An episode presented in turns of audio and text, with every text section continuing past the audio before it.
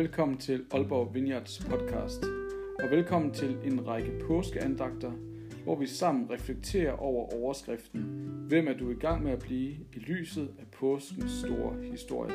Velkommen til at lytte med. Jeg er mega glad for, at du vil lytte med på de her påskeandagter, som vi har i Aalborg Vineyard. Og jeg håber, at andagterne kan være med til at bringe inspiration, måske kan udfordre dig, og måske, hvem ved, måske kan den da være med til at skabe noget forandring og forvandling i dig. Det har det i hvert fald gjort hos mig i arbejdet med at lave de her andagter. Der er en amerikansk, hvad skal vi kalde ham, mystiker, filosof, der hedder Dallas Willard. Og han har på et tidspunkt sagt, det vigtigste i dit liv er ikke, hvad du gør, men det er, hvem du er i gang med at blive. Det gentager jeg lige. Det vigtigste i dit liv er ikke, hvad du gør, men det er, hvem det er, du er i gang med at blive. Vi lever i en verden, hvor at vi hele tiden skal gøre, og hvor vores identitet og hvem vi er, på mange måder bliver bundet op omkring, hvad det er, vi gør. Det er i hvert fald den fortælling, som vi hører igen og igen. Men det, som Dallas Willard han sætter ord på her, og som han udfordrer os til, det er faktisk at overveje, at måske er det ikke det vigtigste, hvad det er, du gør. Men måske er der faktisk et spørgsmål, som er dybere. Måske der er et spørgsmål bag ved det. Og det er spørgsmålet om, hvem er det, du er i gang med at blive? Ja, hvem er det i grunden, du og jeg er i gang med at blive? Hvem er det, der former os? Hvem er det, der danner os? Og man kan sige, at Bibelen er på mange måder en fortælling en beretning om et folk Israel, som er i gang med at blive noget. Men det er også en række fortællinger om mennesker, som er i gang med at blive formet af Guds historie. Og Bibelen taler i grunden om, særligt det nye testament, om hvordan at vores sjæl, vores hjerte, er dem vi i virkeligheden er. Og derfor så vil jeg gerne starte med at fortælle en historie. Der var en gang for lang tid siden fortælles det, at der var en gammel mand, som boede oppe i bjergene, og han var ansat af den lokale landsby til at tage sig af den kilde, der sprang fra bjerget. Og han sørgede hver dag for at hvad skal man sige, fjerne grene, sten, ting, der på en eller anden måde gjorde, at strømmen, kilden, ikke kunne flyde frit. Og øh, det, som det gjorde for landsbyen, var, at landsbyens øh, beboere havde en kilde, der kom ned i landsbyen, som var frisk og dejlig, og hvor børnene kunne lege ved.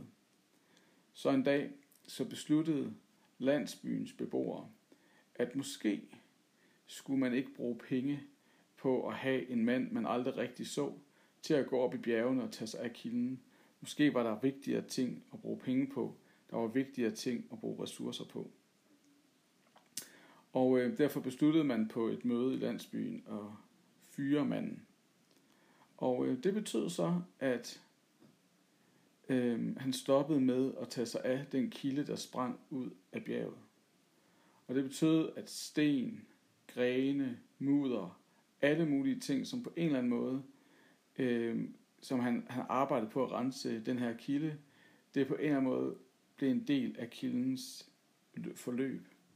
Og det betød også, at nede i landsbyen, så, øh, så det vand, der kom ind i landsbyen, det var ikke særlig lækkert og det kunne ikke flyde så frit som før.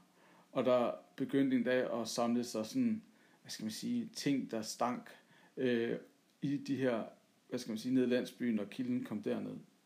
Og på mange måder, så oplevede landsbyen også, hvordan at børnene, de ikke kunne lege frit ved kilden. De gad ikke at lege ved en ildelugtende vandstrøm. I det hele taget så oplevede de, at det liv, som kilden i grunden havde givet, det slet ikke var der mere. Og derfor besluttede man sig så for at hyre den her gamle mand op i bjergene igen. Og han begyndte så igen at rense ud. Han begyndte igen at sørge for, at kilden kunne flyde frit. Og det betød, at igen så blev, var der børn, der legede ved kilden i landsbyen. Igen kunne man drikke frisk vand fra kilden. Igen så var der blomster og ting og sager, der blomstrede. Og det, som der selvfølgelig er pointen med hele den her historie, det er, at din sjæl, dit hjerte, det er kilden, og du er den gamle mand. Du er din sjæls, hvad skal man sige, vedligeholder. Det er dig, der skal sørge for, at det, der er i dit indre, den du er i gang med at blive, er i gang, bliver ved med at blive holdt friskt, er hele tiden, hvad skal man sige, renset, hele tiden for næring, hele tiden bliver taget godt hånd om. At du og jeg, hvis vi skal blive dem, som vi i grunden er skabt til at blive, hvis vi skal leve det liv, hvis vi skal være til velsignelse for de mennesker, som vi er skabt til at være til velsignelse for, så kræver det faktisk, at vi kan tage vare på vores sjæl. Så kræver det faktisk, at vi tør tage hånd om vores indre liv. Det handler ikke om det ydre, alt det vi kan gøre, alt det som andre kan se. Men det vigtigste er faktisk, at vi tør tage hånd om det, der er vores sjæl, det, der er vores indre, man kan sige den inderste kerne af, hvem vi er. Og øh, vi lever bare i en verden, hvor at det ikke er særlig flatterende, at det ikke er det, vi skal bruge tid på.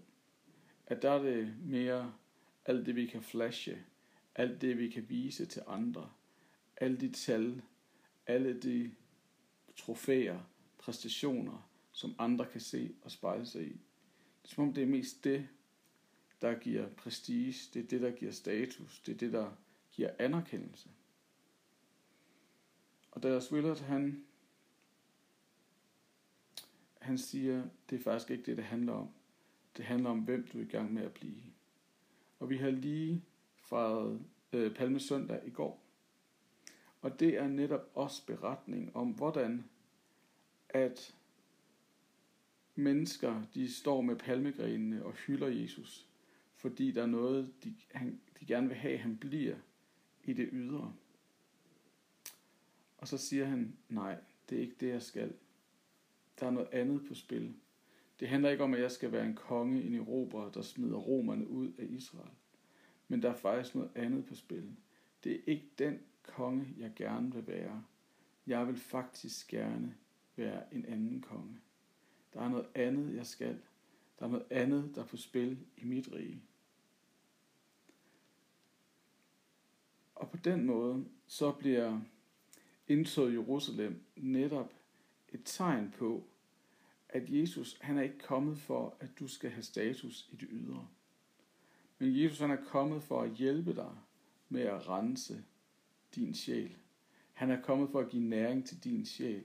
Han er kommet for, at du skal få lov til at opleve liv, genoprettelse i dit indre. Det er den konge, han er kommet for at være.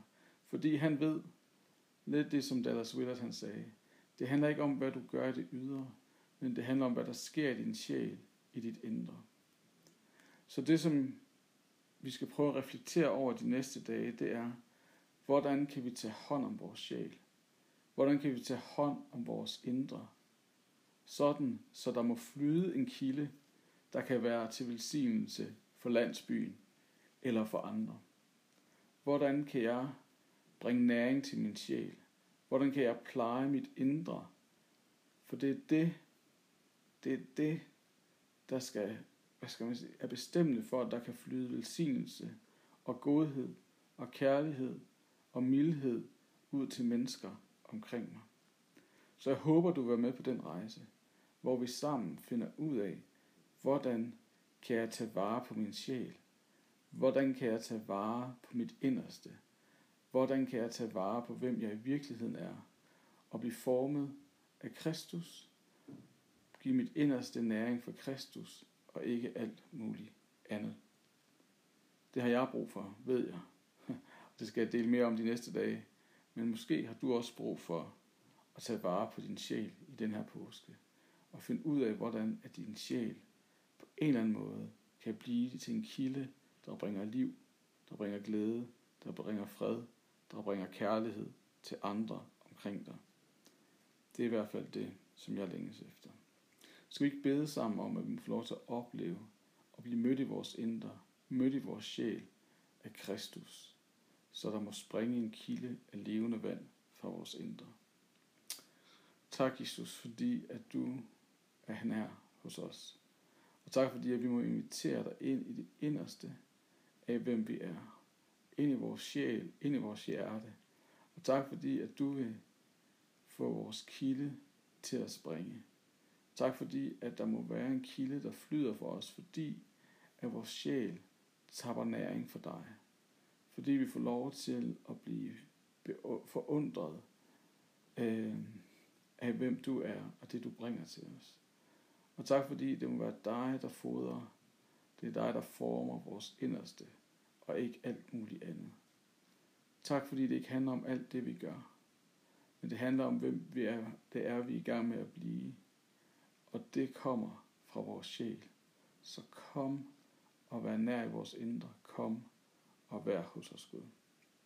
Amen. Så øh, lad os sammen tage vare på vores sjæl. Lad os sammen tage vare på vores indre og hvem vi i virkeligheden er.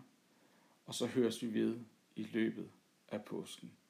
Ha' det godt. Hej.